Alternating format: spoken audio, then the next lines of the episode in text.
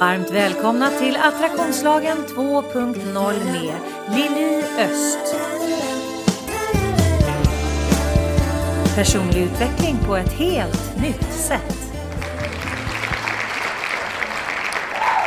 Varmt välkomna till Attraktionslagen 2.0. Det är Lili som sitter och har ett Zoom-inspelat eh, poddavsnitt idag. Det blir mycket Zoom nu under Corona, men det är det som är så häftigt för att det funkar så bra. Och idag har jag den stora glädjen att presentera Marika Jonmar i podden. Varmt välkommen Marika! Tack så mycket Lili! Du sitter nere i Skåne du! Jag sitter nere i Skåne och eh, tittar ut över de gula skånska rapsfälten. Ja, herregud. Du skickade ju en bild till mig igår. Det var ju så vackert ja. som man håller på att smälla av. Ja, fantastiskt mycket härlig energi i det. Ja, gud vad härligt. Och, och du och jag, alltså det, det, är rätt roligt. Vi jobbar ju med, med liknande saker. Du driver ju tillsammans med Caroline Sedblad Ninfea som jobbar med eh, personlig utveckling och ledarskapsutveckling. Eller rättare sagt, ni jobbar väl just med personlig utveckling för att utveckla företaget? Exakt så. Mm. Med fokus på människan, att börja med individen. Vem är jag? Utveckla individen, ta reda på vem är jag, vad vill jag och hur kommer vi dit? Mm. Så det är mm. individen i fokus och sen så när man har koll på individen så handlar det om teamutveckling och ledarutveckling och företagsutveckling. Mm. Så genom att jobba med det så kommer de andra resultaten på plats efter det. Mm. Det är en bra summering tycker jag, att göra arbetsplatsen till en lyckoplats. Visst är det härligt? Ja, och om man tittar på det ur ett energiperspektiv som jag tjatar om hela tiden, där vi ska se till att vi är så högfrekventa som möjligt hela tiden för att vara i rätt frekvens där vi kan dra till oss högfrekventa resultat så är ju det en, en utgångspunkt som är, den är ju liksom, eh, den är ju att önska verkligen att eh, vara på en lyckoplats jag älskar ju att göra modeller och uträkningar. Och jag gjorde en uträkning här för några år sedan som har varit väldigt användbar. Och det är så här att om du inte gillar det du jobbar med, om du tycker att måndag till fredag är en transportsträcka till helgen, eller i alla fall kanske måndag till torsdag, för att fredagar kan vara någon typ av halvdag eller lite så här casual friday eller någonting så att den är ändå lite mer högfrekvent. Då betyder det att 209 av 365 dagar känner du att du är på fel ställe. 52 fredagar är, är halvokej och 104, alltså mindre än hälften, är tjofaderittan. Det bara det att mm. helgen kanske inte alls blir tjofaderittan. Och då får du liksom låna därifrån och lägga på de här 209 dagarna. Sen kanske du har ångest på söndagen för att dagen efter är måndag. Ja, då får du också låna det och lägga på de här 209 dagarna. Så att det kan faktiskt vara så att 209 dagar plus om året känner du en skitkänsla i magen för att du är på fel ställe. Och då tänker jag att då, där har man ju två möjligheter eh, spontant. Antingen byter du jobb eller så byter du förhållningssätt till det du gör. För du kan ju Exakt. tänka dig vara lågfrekvent och därför så tänker jag när man då jobbar med att hjälpa företag att göra arbetsplatsen till en lyckoplats. Då jobbar man med de här 209 dagarna. Just det när du, när du berättar det så så tänker jag på det här vad det man sänder ut när vi skulle hålla en föreläsning i Malmö på Clarion Live. Eh, hotellet där så var det liksom en massa sådana här olika bås och så var vi i ett av båsen där eller en av konferenssalarna. Och så gick det förbi eh, människor i korridoren och så stod det då liksom innan vi skulle börja från arbetsplats till lyckoplats. Och så gick det förbi några stycken som liksom backade och kom tillbaka och sa men gud här skulle jag vilja vara istället och lyssna på det här för mm. det sände ut någonting som väckte någon skön känsla i dem. Och det är precis det vi är ute efter att förstå att det är fullt möjligt att förflytta sig från arbetsplats till lyckoplats. Dock behöver man inte, precis som du säger Lili, man behöver inte byta arbete. Man behöver inte byta arbetsgivare.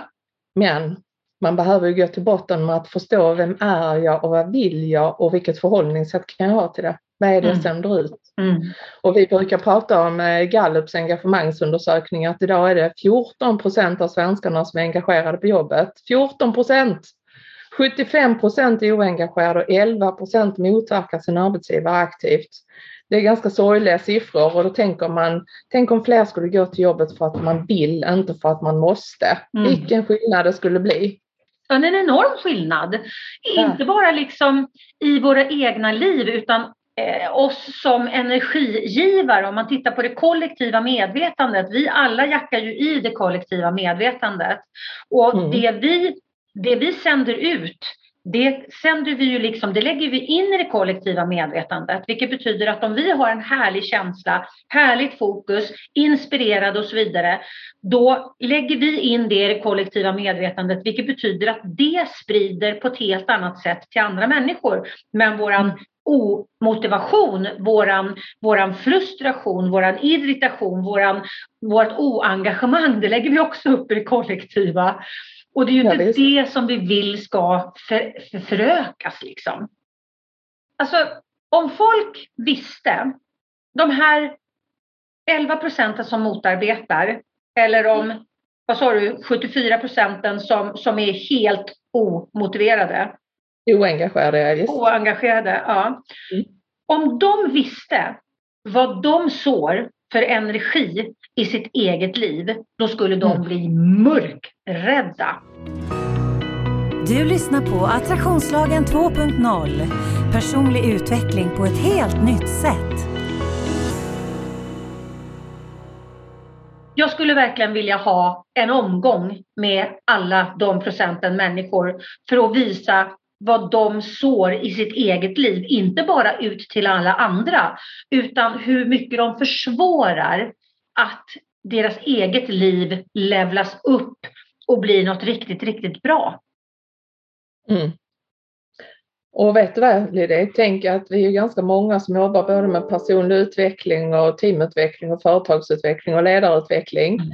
Men tänk vilken potential och vad, vad, det finns att jobba med och tänk hur många, jag älskar när jag kan hjälpa människor att vakna och förstå sin mm. storhet, faktiskt förstå att jag har möjlighet att sätta mig i förarsätet själv och göra mm. någonting åt det här. Men jag tycker det är så fascinerande alltså, fortfarande 2021. Ja. Eh, det, det är vi som har valt att jobba med det här har sett eh, så länge. Är det fortfarande folk som, som blir alldeles så här, wow, va? Finns den här möjligheten? För den har liksom inte ens slagit dem innan. Och det är jag helt fascinerad över att det fortfarande 2021 existerar okunskap om hur mycket man kan lyfta sitt liv genom att vända blicken inåt. Mm. Men vi är alla och, olika och, naturligtvis. Det är ju ingen värdering. Jag, bara, jag är bara helt fascinerad över att det fortfarande är så många som inte prenumererar på, på, det, på det avsnittet. Mm. Nej men och det är väl tillbaka igen, jag tänker på min egen resa, alltså när jag har varit fruktansvärt stressad och jobbat med andra saker mm. så har det inte funnits något space i mitt, eh, mitt inre att eh, ta tag i det utan jag har bara skyndat på mm. och jobbat, jobbat, jobbat, jobbat, jobbat, jobbat och det är först när man stannar upp och märker bara herregud det finns saker som skaver i mitt liv, vad är det frågan om? Mm. När man stannar upp och börjar lyssna på det när man är liksom i tomrummet på något sätt och mm. när det öppnas upp för det, det är då först då man kan börja få någon insikt om att ah, det är liksom inte, kanske inte riktigt det här, så här jag vill leva mitt liv. Nej. Och just det här tomrummet som du pratar om, det, det, är ju många som är rädda för det, för att man är rädd för, alltså det, det finns, en, det finns en, en, en uppdämd frustration inom oss som vi inte riktigt vågar stanna upp och lyssna på, utan när den börjar liksom bita oss i ändan, då springer vi ännu fortare. Tills vi går mm. in i väggen eller får en hjärtinfarkt eller en hjärnblödning eller något annat som liksom får oss att vakna till liv. Exakt. Och, och, nu under covid så är det otroligt många. Det finns de som verkligen känner så här wow, jag har fått så mycket respit så att jag har kunnat ta ett steg tillbaka och fundera över liksom vad blir mitt nästa steg och vill jag vara där jag är och, och ska jag göra något annat med mitt liv? Och så ser de det som en världens tillförsel, världens möjlighet. Och så mm. finns det de som har sån jädrans ångest nu för mm. att de får för mycket tid och de vågar inte gå in i det här som skaver och gör ont utan de försöker köra så här bingo bingo. Nu visar jag Marika här som ser mig i bild men ni som inte ser mig i bild det var ju den här eh, gamla eh, reklam, eh, reklamfilmen med Åke som hade, som hade som hade vunnit på, på Lotto och tyckte att han, hans chef var en räpa. Och då blev det så här bingo, bingo. Då gjorde det så här att man liksom höll för öronen och låtsades som att det inte fanns Eh, det var en liten, en liten parentes där för att förklara mitt bingo bingo. Nej, men alltså, det är så många som mår dåligt just av det här just nu mm. för att de inte vågar gå in i det här som skaver. Exakt. Mm. Men när ni jobbar med företag och ni jobbar med människorna i företagen. Hur positiva är de att titta på sitt skav? Alltså det beror ju helt på vad det är för någon typ av uppdrag. Vi har precis suttit och haft eh, ett, eh, ett möte med ett Göteborgsföretag här som, som har ganska många anställda. Och, och återigen, jag brukar referera till Gallups engagemangsundersökning som är en bra referenspunkt bara för att förstå hur det ser ut i samhället. Mm. Tillbaka igen till att det finns ju liksom 75 procent som är oengagerade mm. och de har en del skav. Och de 11 procenten har förmodligen väldigt mycket skav mm. och de är inte jätteintresserade av att titta på det och undrar vad, vi, vad gör vi där? Mm. Och sen är det ju det att det går inte att hjälpa människor som inte vill ha hjälp. Nej. Så att vi börjar oftast jobba i ledningsgrupperna där vi på något sätt hittar vilka individer är det som ingår i ledningsgrupperna. Vad har de för inre motivation? Varför jobbar de som ledare? Varför jobbar de precis just där? Mm. Det med sitt eget varför måste man, eller måste, måste man inte enligt vår sätt att se på det så det är där den inre motivationen kommer ifrån. Mm, mm. Ta reda på vad är det som verkligen driver dig? Vad är det du blir motiverad av? Och sen koppla ihop det med en tydlig målbild och förstå mm. det här är det vi är här för att göra. En tydlig vision i företaget, en tydlig riktning så att alla lägger energin åt samma håll. Mm. Precis som du brukar prata om ett energiperspektiv, alltså att vi behöver rikta samma energi eh, gemensam energi åt samma håll så att vi får någon stuns i det så det händer någonting. Mm, mm. Om några går till höger och några till vänster, ja men då spretar det, då får vi inte levererat någonting. Nej. Utan att igen förstå att inre motivation, vi brukar börja med att göra eh, drivkraftsprofiler på, på individerna i ledningsgruppen. När de väl har koll på sig själva, då har liksom samma verktyg man kan jämföra med vad har ni för, vad har du för drivkraft, vad har vdn för drivkraft, vad är ekonomichefen och så vidare. Och hur kan vi samla den här kraften mot en gemensam målbild, en gemensam tydlig vision mm. och ett gemensamt hur, en gemensam kultur. Vad har vi för värderingar i bolaget och vad betyder de? Oftast har man några värderingar som på Nymfea har vi PEP till exempel, personligt, enkelt, passion och positiv skillnad. De är djupt förankrade i oss och mig och Caroline där vi liksom vet vad de betyder på djupet för oss. Mm, mm. Eh, och det innebär att då blir de levande, vi tar beslut utifrån det också, våra fyra värderingar. Eh, det är vår guideline liksom, hur mm. vi ska förhålla oss. Eh, så det är viktigt att liksom få sakerna levande men måste komma inifrån individen. Mm. Nymfea betyder näckros på italienska och du som kan se mig i bild Lili, du ser att jag har näckrosor här på, på tyget bakom mig också. Eh, och näckrosens rötter är djupt förankrade i havsbotten. Likadant är våra värderingar, beteende och drivkrafter förankrade i oss människor. Mm. Så det är liksom där man får börja bena ut, vem är du? Så man inte bara pratar om vad man har för något som står i CV, vad jag har för utbildning.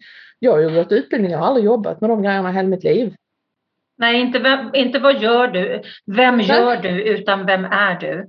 Eh, det är så bra på engelskan, human being och inte human doing. Vi har ju inte Exakt. samma sak i svenskan, men, men det, är, det är en väsensskillnad. Mm.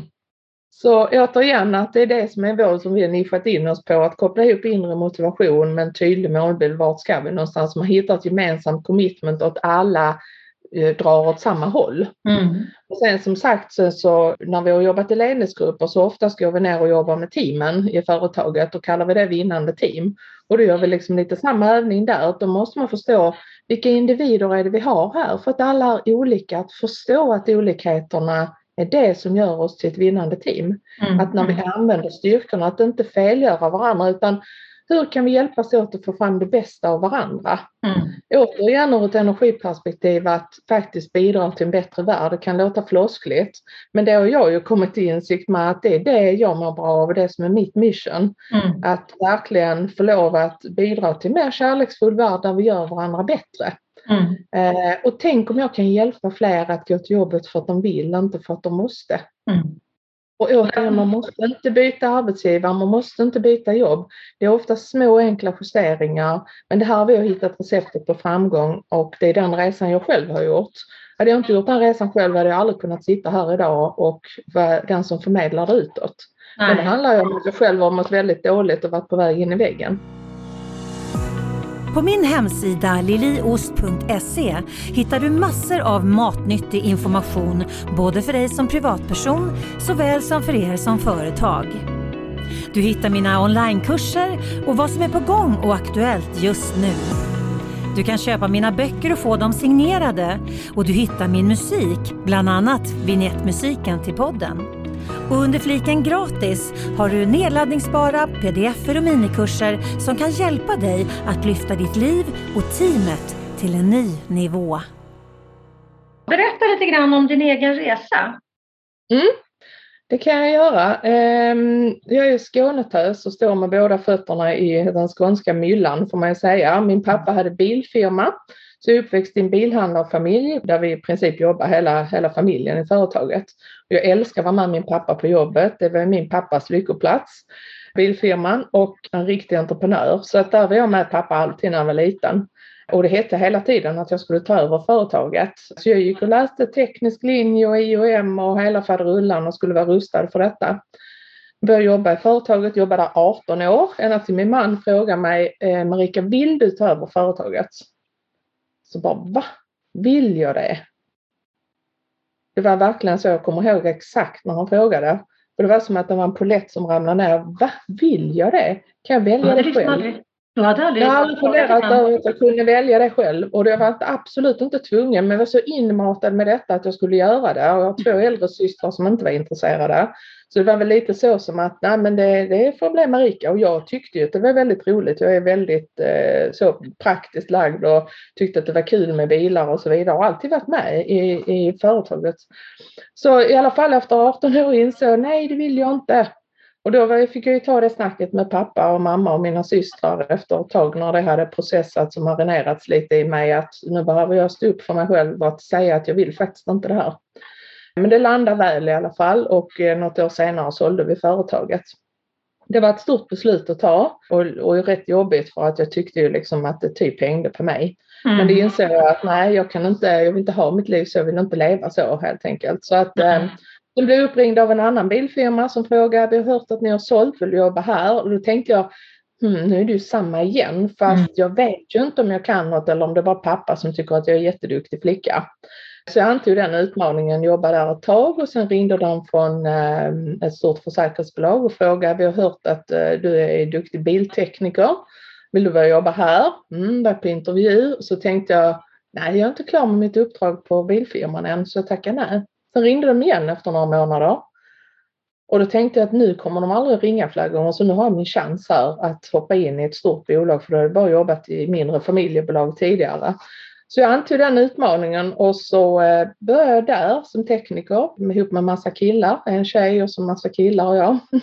Ganska kort efter kom chefen och sa du vi har funderat på, vi tycker du skulle passa bra som gruppchef här.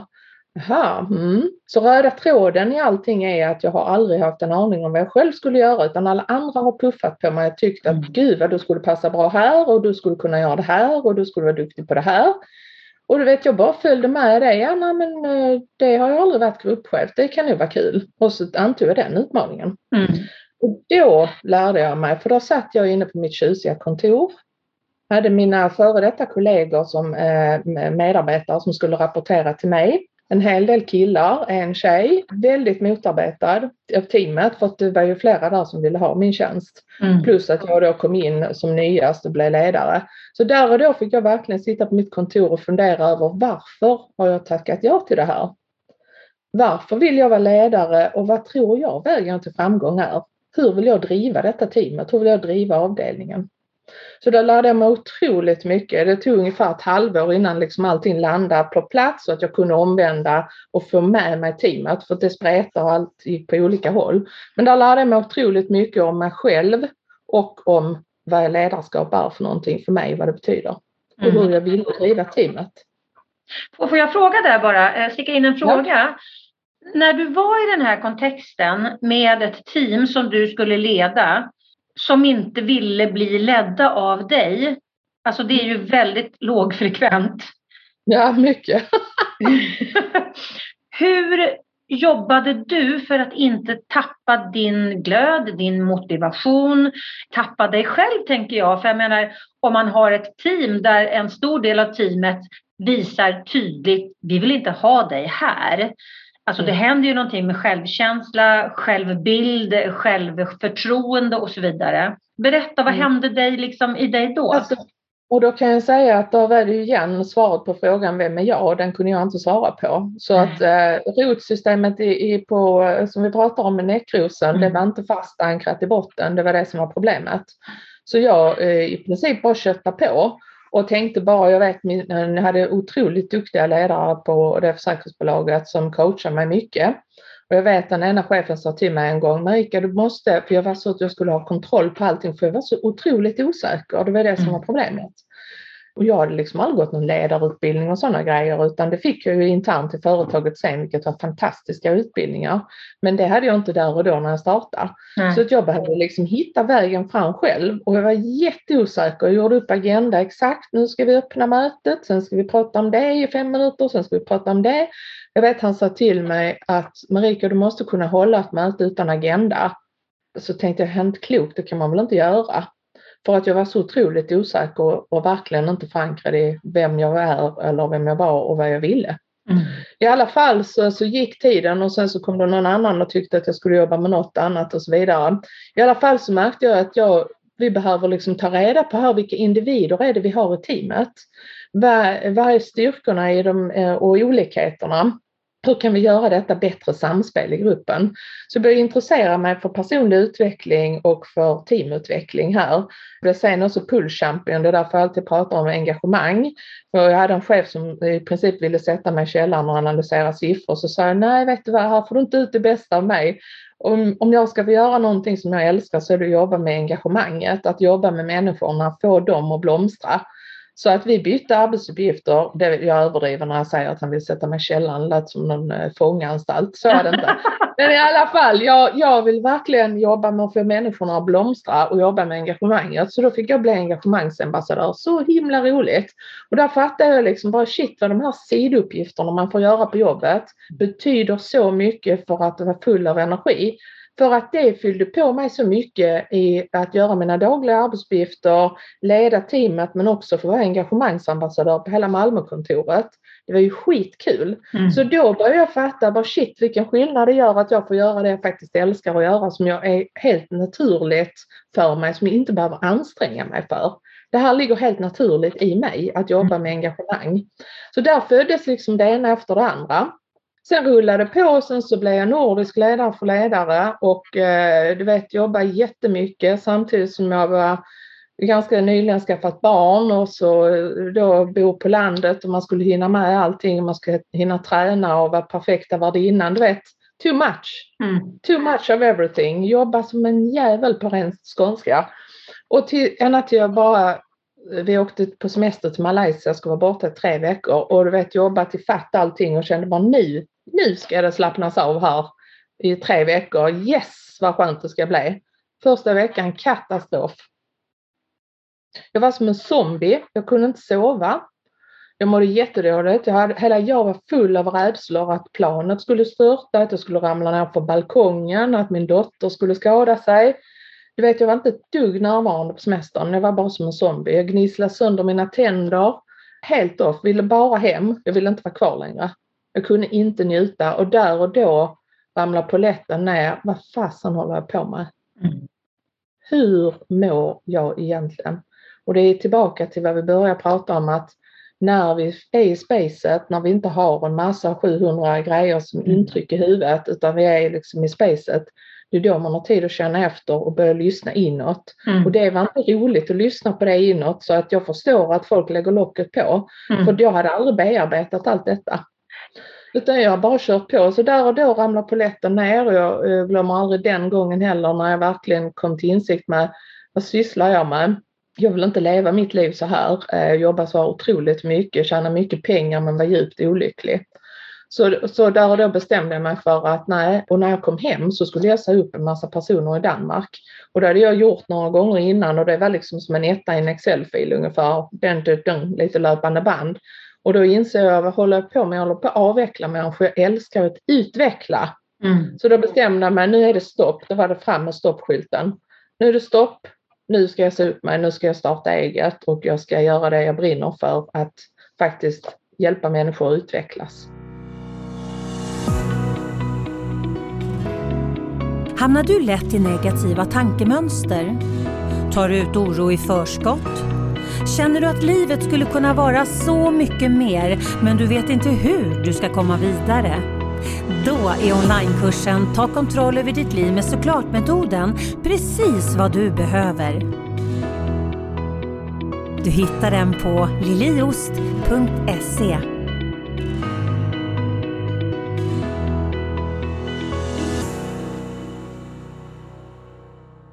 Så där och då, eh, sen var de två senare veckorna lite bättre men jag var fortfarande helt off. Så när jag kom hem så hade jag ett jättejobb att göra. Att börja inventera mig själv. Vem är jag? Mm. Jag kände att jag hade motverkat mig själv under så många år och gjort saker som jag egentligen inte vill. Och jag hade ingen aning om vad jag vill för jag hade inte stannat upp och funderat. Jag bara presterat, presterat, presterat och då var mm. jag ungefär 45 år gammal. Så där kom jag till insikt med att det här livet vill jag inte leva. Så eh, lite mindre än ett år senare hade jag sagt upp mig, gått och läst till mental tränare och eh, jag och min kollega Caroline som jag nu driver företaget med, vi sa upp oss samtidigt. Och sen startade vi Ninfea ledarutveckling för snart sex år sedan, fem och ett halvt år sedan. Men det låter som att det var liksom bara en quick fix och det var det inte. För det var verkligen ett år av att gå inåt och ta reda på vem är jag? Mm. Vad mår jag bra av? Och vad mår jag inte bra av? Vad är det jag vill ha i mitt liv och vad är det jag inte vill ha i mitt liv? Och jag kommer ihåg, jag satt ute på vårt trädäck en, en, eh, vid ett tillfälle innan jag hade sagt upp mig så ringde jag till min man och grät och sa bara, jag orkar inte.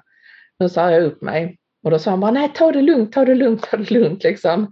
Vi får liksom bena ut och, och prata ut om det och så. Och sen så, ja, en kort tid efter blev det väldigt naturligt att säga upp sig på jobbet i samband med en stor omorganisation. Mm. Och det är läskigt igen, då kommer vi till rädslorna igen. Att bara shit, nu ska jag slänga mig ut från en fast anställning som jag haft i så många år med jättebra lön och så vidare. Jag ska slänga mig ut och, och starta eget. Hur kändes det? Ja men det var ju verkligen att få jobba med sig själv, att förstå att fast det här vill jag inte ha längre så att här mm. finns ingenting att förlora utan nu, nu, och det är verkligen inget fel på min förra arbetsgivare, det var bara det att det uppdraget passar inte mig längre och jag hade inte stannat upp och känt efter hur har jag mått de senaste åren. Det är det som var problemet, men att slänga sig ut och bestämma sig för att nu ska vi starta eget i en bransch som väldigt många andra jobbar i också var läskigt. Men som sagt, eh, jag och Caroline vi gjorde det tillsammans och har jag haft en otrolig styrka i det. Vi är väldigt olika på många plan men väldigt lika i mycket annat. Så att mm. vi har ju haft varandra hela tiden att, eh, att driva saker tillsammans framåt. Och det är ju fantastiskt för att då slipper man ju liksom dra hela lasset själv. Det, det gör ju jag och det är ju inte, alltså det är bra på ett sätt eh, för att man behöver inte kompromissa med någon annan än med sig själv. Men samtidigt mm. så är det ju liksom, det är 100% ansvar och man kan ju aldrig vila. Nej. Det går ju inte att vila i det liksom och det kan man faktiskt göra när man är, eh, att man kan växeldra eh, i, ett, i ett team eller ett par. Mm. Och till saken hör att vi har jobbat ihop i 12 år så att det första vi började med när jag var ansvarig i Malmö så hon, hade hon en tvillingtjänst i, i Stockholm. Så att vårt uppdrag var ju att driva Sverige, alltså driften i Sverige tillsammans. Så vi började med att bli ovänner om en grej, vårt första möte. Och det är inte många gånger jag har blivit ovän med folk eh, i mitt liv så att det kändes bara så här, alltså det här var ju inte någon, någon bra, eh, bra start på vår relation överhuvudtaget så det här måste vi gå till botten med, varför blev det så här? Så redan där fick vi börja med liksom inventera, vem är du och vem är jag? Och hur kan vi samverka? Vad är du bäst på? Vad är du bäst på? Och vad är det som faktiskt driver dig? Då visste vi inte just vad drivkraften var och det hade vi jobbat inte med just då. Men verkligen ändå var väldigt lyhörda för varandra för vi hade ju en, en väldigt stark ambition om att vi ville varandras bästa och vi mm. ville lyckas med våra uppdrag att faktiskt sammanföra stockholmarna och skåningarna och få dem att bli ett team tillsammans. Mm, mm. Gud vad intressant. Men du, när du eh, när du hade bestämt dig för att eh, rent känslomässigt att mm. nej men alltså det här är stoppet på den här vägen, det här är stoppet på den här resan. Nu, nu känner jag i varenda fiber i min kropp att jag behöver ta ut en ny riktning. Mm. Eh, hur, alltså förutom att din man sa vänta stopp stopp inte säg mm. upp dig här och nu. Hur påverkade det er relation? Hemma? Mm.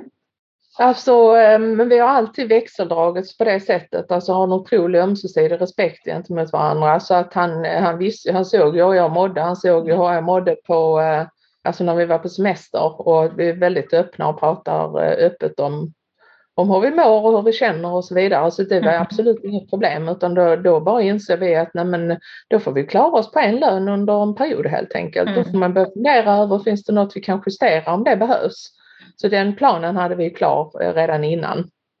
För den är ju en, en otroligt viktig, tänker jag, för att det är så många par i så många relationer där man, där man inte är lika lyhörd. Vilket, och det är ju en av de anledningarna varför jag... Jag har ju fortfarande inte fått ut min, min eh, onlinekurs. Du, du och din man var ju faktiskt eh, ett av paren som har testkört min onlinekurs, Vår kärleksrelation 2.0. Men det är så otroligt många eh, som inte har liksom det, den teamkänslan i sin relation. Så att jag tänker att det är många som kanske kör på ännu längre än de egentligen skulle önska att de behövde göra för att de inte känner stöd från sin partner. Mm.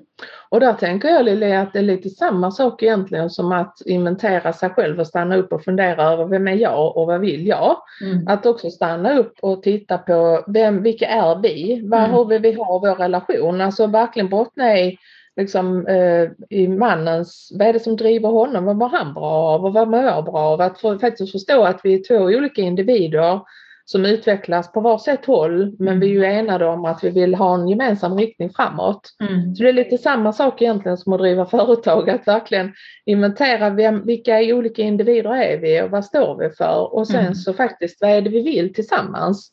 Jag tror ju mycket på det att man får en gemensam plan framåt. Absolut. Men också förstå att, att eh, alltså det är återigen det där med, alltså vi brukar eh, på Nymfea ta fram lilla Alice i Underlandet när hon frågar katten i trädet. Mm eh, mitt i skogen. Vilken väg ska jag ta? Frågar hon katten. Och så säger katten, var ska du? Ja men det vet jag inte. Nej men då spelar det ingen roll om du går till höger om trädet eller vänster om trädet eller liksom bakåt eller framåt. kan man hamna var som helst.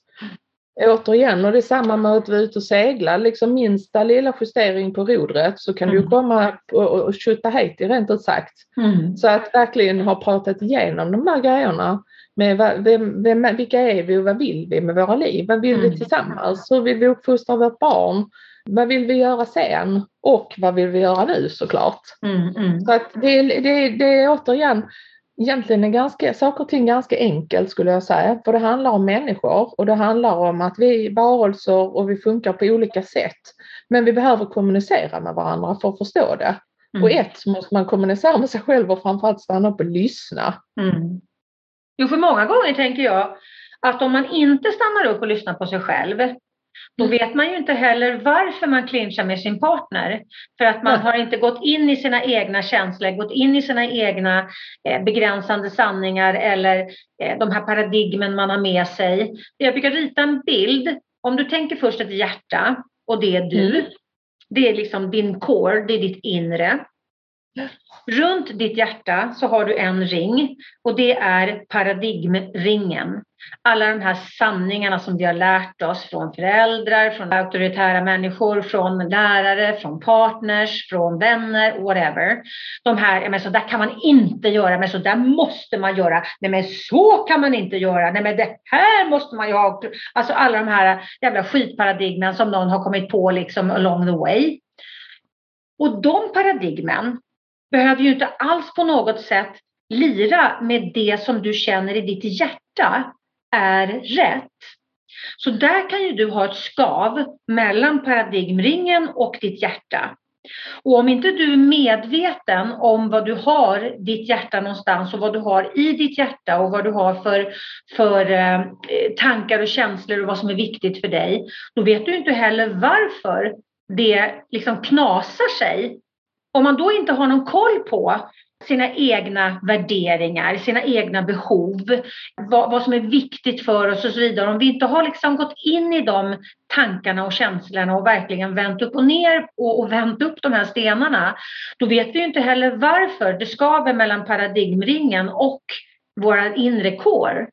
Sen har vi ytterligare en ring utanför eh, paradigmringen och det är verkligheten verkligheten, kraven som ställs på oss, eh, det som är sant och riktigt för för samhället så att säga. Det kanske inte lirar med paradigmringen, de här äh, gamla sanningarna som var så jävla viktiga förr, men som vi lever vårt liv efter, fast vi kanske inte ens håller med. Men vi har bara fått det implementerat i oss, så vi liksom by default går vi på de, liksom på de ringarna på de vänster. Så då kan vi ha ett skav mellan verkligheten och paradigmringen, mellan verkligheten och vårt inre eller i tre led mellan verkligheten och paradigmen, mellan paradigmen och vårt inre. Så det här kan ju vara ett sånt enormt inre skav. Mm. Så om vi inte är medvetna om de här sakerna och sen så ska vi då vara i relation med någon som kanske inte heller är medveten. Då finns det så otroligt många ställen där vi kan svänga fel.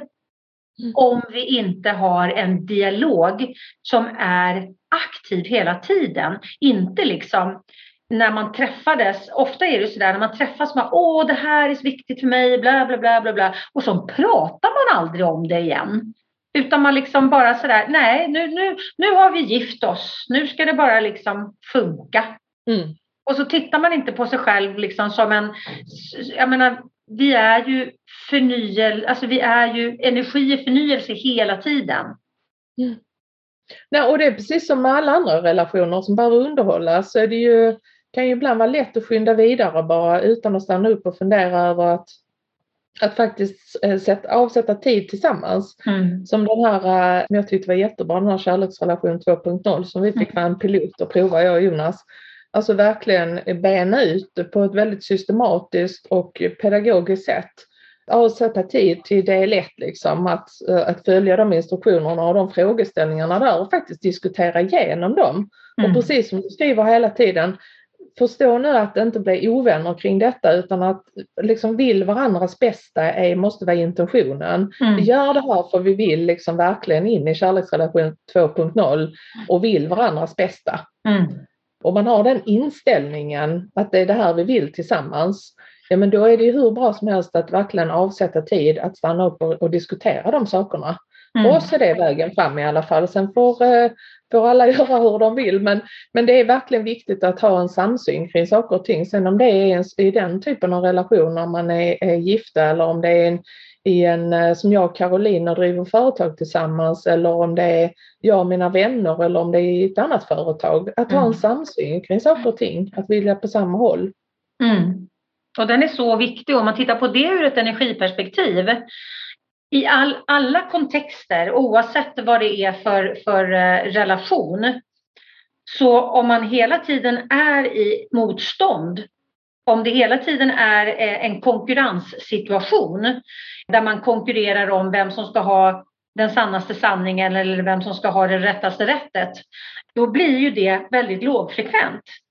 Mm. Och låg frekvens gör ju bara, alltså det gör ju bara att vi drar till oss ännu mer lågfrekventa saker, vilket gör att där skapas det ju mycket mer konflikter och eh, eftersom frustration föder frustration, kamp föder kamp. Det vi kastar ljuset på växer.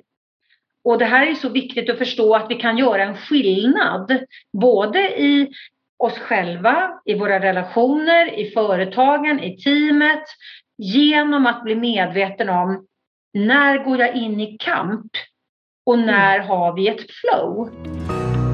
Behöver du hjälp att sortera i ditt liv? Läs mer på liliost.se. Inte envisas med att gå in i kampen utan envisas med att gå in i flowet. Och jag kommer ihåg detta när jag mådde dåligt, när jag var verkligen inne i kämpa-grejen. Bara kämpa, kämpa, kämpa. Det var motstånd, motstånd, motstånd. Så var jag på en föreläsning med Kai Pollak som hette Att välja glädje. Mm. Som handlar egentligen om precis samma som du pratar om med metaforen, vill vi jobba i bajspåsen? Mm. Så fylls bajspåsen på, det är väldigt geggigt och otrevligt. Mm. Eller vill vi jobba i guldpåsen? Det går faktiskt att välja. Mm. Men du vet när man inte är, när man inte ens fattar det, som jag inte gjorde då. Mm. För att du är så mycket i huvudet, du är så mycket i det här prestation, du måste vara duktig, måste få ihop allting. Då är man totalt blockerad. Mm. Jag var, hela jag var full av rädslor. Men när man liksom stannar upp och drar i nödbromsen som det handlar om för min del, annars hade jag smält in i väggen så det visslade om det. Och som tur var klarade jag mig från det. Men då finns det något att börja bena ut, att förstå att det är de små stegen och sortera successivt. Mm. Alltså försöka bena ut saker och ting metodiskt och sakta men säkert. Och jag har tagit hjälp av coach och det, jag går fortfarande har en mentor och det är liksom guld värt för mig. Mm. Ja men det är ju det för att alltså det finns ju ett bra talesätt, eh, man ser inte skogen för alla trän. och det är ju verkligen så. Man behöver ju, för att kunna lägga pusslet, behöver vi zooma ut. Jag pratar ju hela tiden om att jag älskar att, att zooma ut för att få ett helikopterperspektiv så att jag ser saker lite från ovan eller lite från sidan så att jag kan titta på det från olika håll för att se hur saker och ting korrelerar, hur de hänger ihop med varandra. Och, och, den är så viktig, för jag menar om jag försöker sortera och stå mitt i, i tvätthögen liksom och försöker sortera den, den är ju inte så bra utan det är mycket bättre att ställa sig lite åt sidan och så lägga allt svart, allt vitt, mm. allt eh, liksom eh, pastelligt, allt starkt färgat. Alltså, och där först kan jag ju liksom, där först kan jag ju börja se, okej, okay, vad är det jag behöver börja med? Eh, vad, är det som är liksom, vad är som är viktigt? Men om vi inte har den här möjligheten att zooma ut, då kan vi ju inte heller se vad vi behöver ta för steg, tänker jag. Och den är så viktig. Mm. Får jag, får jag fråga dig, ja. i det här arbetet som du gjorde med dig själv när du stannade upp, när du drog i nödbromsen. Vad har hänt med dig som människa sedan dess? Ja du, det är ju liksom eh, eh Marika 2.0 eller 3.0 eller 4.0 som jag är på nu eller någonting. Nej men det är ju ett helt annat, jag lever ett helt annat liv. Helt, på, helt annat liv. På vilket sätt? Berätta. Ja men eh, alltså från att jag var i det här prestation, eh, duktig flicka till att och känna att jag kämpade, att jag var liksom motverka mig själv till att jag verkligen fick det här spacet att ta lite paus och börja inventera mig själv och förstå vad är det faktiskt jag mår bra av och vara lite egoistisk inom citationstecken att börja titta inåt på mig själv. Vem är jag och behöver förstå att, att jag är viktigast i mitt liv. Att mm. eh, alltså avsätta tid och resurser och kanske investera i mig själv i form av både coach och så vidare. Det steget det, det är också ett, ett skifte i tanken. Mm. Helt och hållet att gå från att bara ha varit, eh, jag ska inte säga andra till lag, så jag ska inte säga, det låter liksom lite bittert, men, men verkligen förstå att jag behöver börja med mig själv. Och det, det, jag lägger timmarvis på mig själv varje dag. Mm. Innan jag började jobba kanske, jag vet inte om jag började jobba sju eller åtta eller något sånt där, kom hem sju på kvällen. Nu börjar, försöker jag börja jobba klockan nio, jag går upp tidigt har goda vanor som jag, som jag vet att jag behöver för att jag ska må bra så laddar man ju själv med goda vanor i form av att allt från att skriva tacksamhetsdagbok på morgonen eh, till att sätta intentionen för dagen, till att sortera upp vad ska jag göra idag för mig själv. Så skriver jag en lista, jag och lag, äh, förlåt, jag och familj och så då nymfea. Och där ska vara liksom lite, uh, ungefär lika mycket aktiviteter på varje. Mm. Tidigare hade jag bara på, på då det här stora försäkringsbolaget. Mm. Varpå familjen blev åsidosatt och framförallt jag själv. Så att eh, jag laddar väldigt mycket på morgonen genom att göra saker jag mår bra av. Mm. Lyssna på någon meditation, göra yoga varje morgon var en sak som jag införde från att jag sprang till tåget på morgonen och tog kaffet på vägen till att jag lägger tre timmar varje morgon på mig själv. Och det, det har jag hittat att det är min väg som jag mår bra av och gör att jag håller över dagen. Mm, mm. På ett bra sätt. Men jag behöver också hitta en balans att verkligen varje dag vara fokuserad på att det ska stå saker på Marika-listan, det ska stå saker på familjelistan och det ska stå saker på Nymfea-listan. Mm. Och då har jag hittat liksom en balans, ett setup att jag mår bra i det. Och den tror jag är otroligt viktig just det här att man gör en balanslista. Eh, ja. Att man inte bara, eh, alltså det blir väldigt tydligt om man, om man ser det så visuellt framför sig. Om allting handlar om jobb eller om allting handlar om familj och sen så är det bara så noll på jag-listan. Ja. Eh, då fyller man ju inte på sig själv och den blir så tydlig när man gör en visuell bild av det. Det blir så otroligt tydligt och där kan man också gå tillbaks och titta, tänker jag, på veckan. Om man då har liksom, ja men där är det bara måndag, bara jobb, jobb, jobb, jobb, jobb. Jag hade intention för familjen men jag hann inte med det, det eller det. Och sen så är det bara rent eller så har du inte hunnit med någonting för dig själv. Då är det väldigt enkelt att kunna liksom avläsa i slutet på veckan hur mår jag? Var på eh, känsloskalan mellan 1 till 10 befinner jag mig nu? Och tittar mm. man tillbaks då på veckan och så inser man att vänta nu här, jag har satt allt utom mig själv i, eh, liksom, i prio ett hela veckan. Då är det inte så konstigt att man kanske känner sig liksom eh, bajspåse i slutet på veckan för att man, man har inte fyllt på sig själv helt enkelt. Nej. Och jag brukar göra när jag, när jag coachar andra, eh, jag coachar både ledare och privatpersoner och, och det spelar liksom ingen roll vad man har för titel överhuvudtaget. Det är människor jag coachar. Mm. Mm, Men i alla fall min första fråga är ju att jag brukar rita upp ett iPhone-batteri och så fråga hur fulladdad med energi känner du dig just nu? Mm. Och då svarar vissa, menar du på jobbet eller privat? Nej, du som människa. Mm. Ja, ja, okej, okay. men det är så här. Bra, för då har man någon form av temperaturcheck. Eh, och så frågar jag samma fråga nästa gång vi träffas för då kan vi ju se, har det hänt någonting uppåt eller neråt och har du gjort de sakerna vi har varit överens om att du skulle fokusera på? Mm. Och Det kan vara som en sån enkel sak att faktiskt till exempel börja prioritera sig själv. Mm. Ta paus. Vikten av att ta paus är så otroligt viktig. Mm. Att förstå att det går inte bara att gå från ett möte rakt in i ett annat hela dagarna vi behöver paus, vi behöver träna både hjärnan och alltså både det, det, vårt eget inre. Vi behöver träna hjärnan, vi behöver träna fysiskt. Mm. Om man tränar fysiskt måste man inte ut och jogga men man behöver miljön, byta ut och gå och så vidare. Mm. Så att det är liksom ganska komplext men min förflyttning har gjort att jag lever ett helt annat liv. Mm. Prioriterar mig själv, både att lära mig nytt och också fylla på med det eh, mån om liksom vilka människor har jag runt omkring mig, vilka mår jag bra med, vilka har jag intressanta djupa samtal med. Vad, vad vill jag lägga min fritid på? Vad vill jag göra på min fritid? Ute i naturen väldigt mycket, det har jag alltid visst om hela mitt liv att jag mår bra av men jag har inte gjort det för jag har inte Nej. haft tid. Och eh, nu är jag ute och går jättemycket varje dag. Som till exempel, eh, ja, det är det att hitta vad mår jag bra av, att inventera det och hela tiden finjustera det. Mm. Precis som du säger, även om man har gjort en plan att eh, det här är min liksom livskarta, så här vill jag leva mitt liv och benat ut det på olika områden i, min, eh, i mitt liv, liksom, hur vill jag ha det?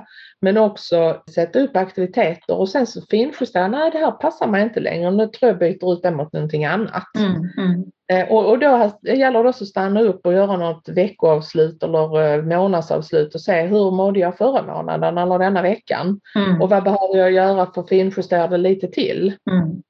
Så det är ett ständigt lärande, livet är ett ständigt lärande men fantastiskt intressant resa att vara ute på skulle jag säga. Och återigen som jag började prata om från arbetsplats till lyckoplats. Det är ju just resan som både jag och Caroline själva har gjort. Att, att verkligen hitta en djup meningsfullhet i det vi gör mm. varje dag som gör att vi, att det handlar aldrig om något kämpande utan det är bara glädje att gå till jobbet. Att få hjälpa andra människor, låsa upp människor att de förstår sin storhet men också förstår vad som verkligen driver mig men koppla ihop det till vad det jag vill och mm. faktiskt aktivera de grejerna att göra det. Det är för oss från arbetsplats till lyckoplats att känna mm.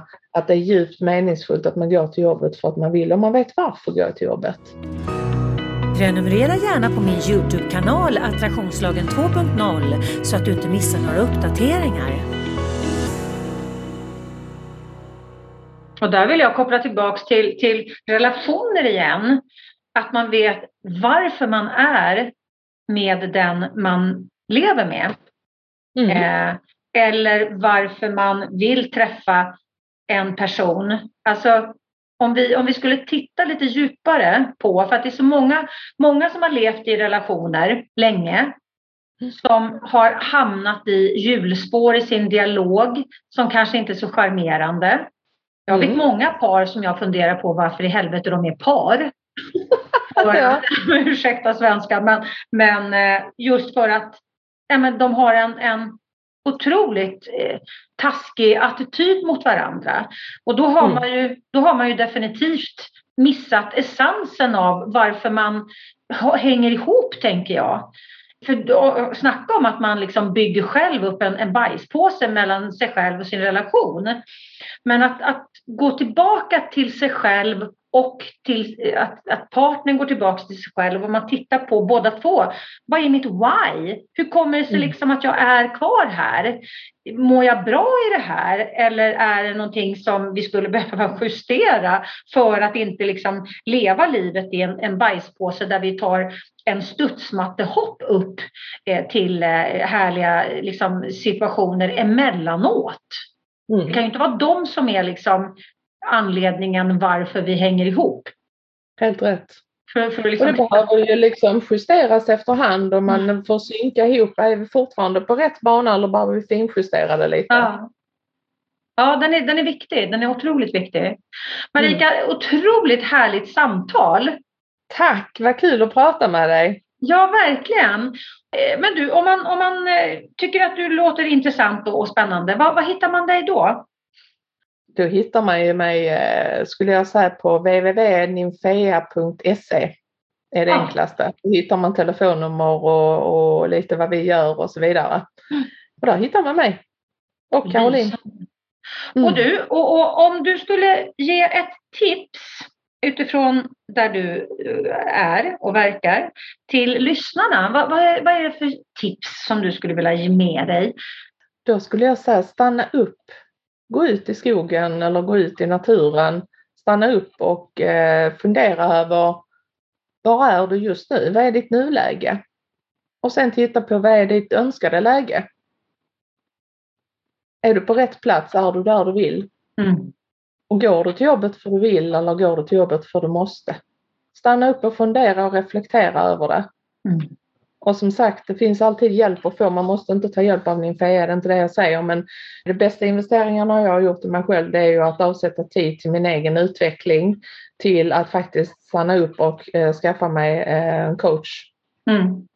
Och jag coachar ju otroligt mycket människor som just har kommit fram till den punkten. Nej, jag vill inte gå den här vägen längre. Nej. Jag behöver hitta en ny avtagsväg. Mm. Och det coolaste av allt är när man stänger en dörr så öppnas det en ny som man inte hade en aning om. Mm. Det kan ta en helt annan riktning också. Mm. Och man får släppa när man vet vad man vill och man har satt någon form av intention och målbild. Så får man liksom släppa lite exakt hur det ska gå till att ta sig dit. Mm. För när vi paketerade Ninfea från början så var det inte på det sättet. Men det blev en annan väg istället som faktiskt mm. blev ännu bättre. Härligt! Good for you! yes! Tack så jättemycket för fint samtal. Ja, men tack själv. Ha det bra, hej då! Detsamma, hej då! Du har lyssnat på Attraktionslagen 2.0. Vill du supporta podden, gå in på liliost.se supporter. Och tycker du att det vi pratar om här i podden är viktigt, dela gärna i dina kanaler. Tänk efter lite grann. Hur har du det omkring dig nu? Är du nöjd? Är du nöjd med det du har? Var är du i ditt liv? Har du funderat på att ta ett annorlunda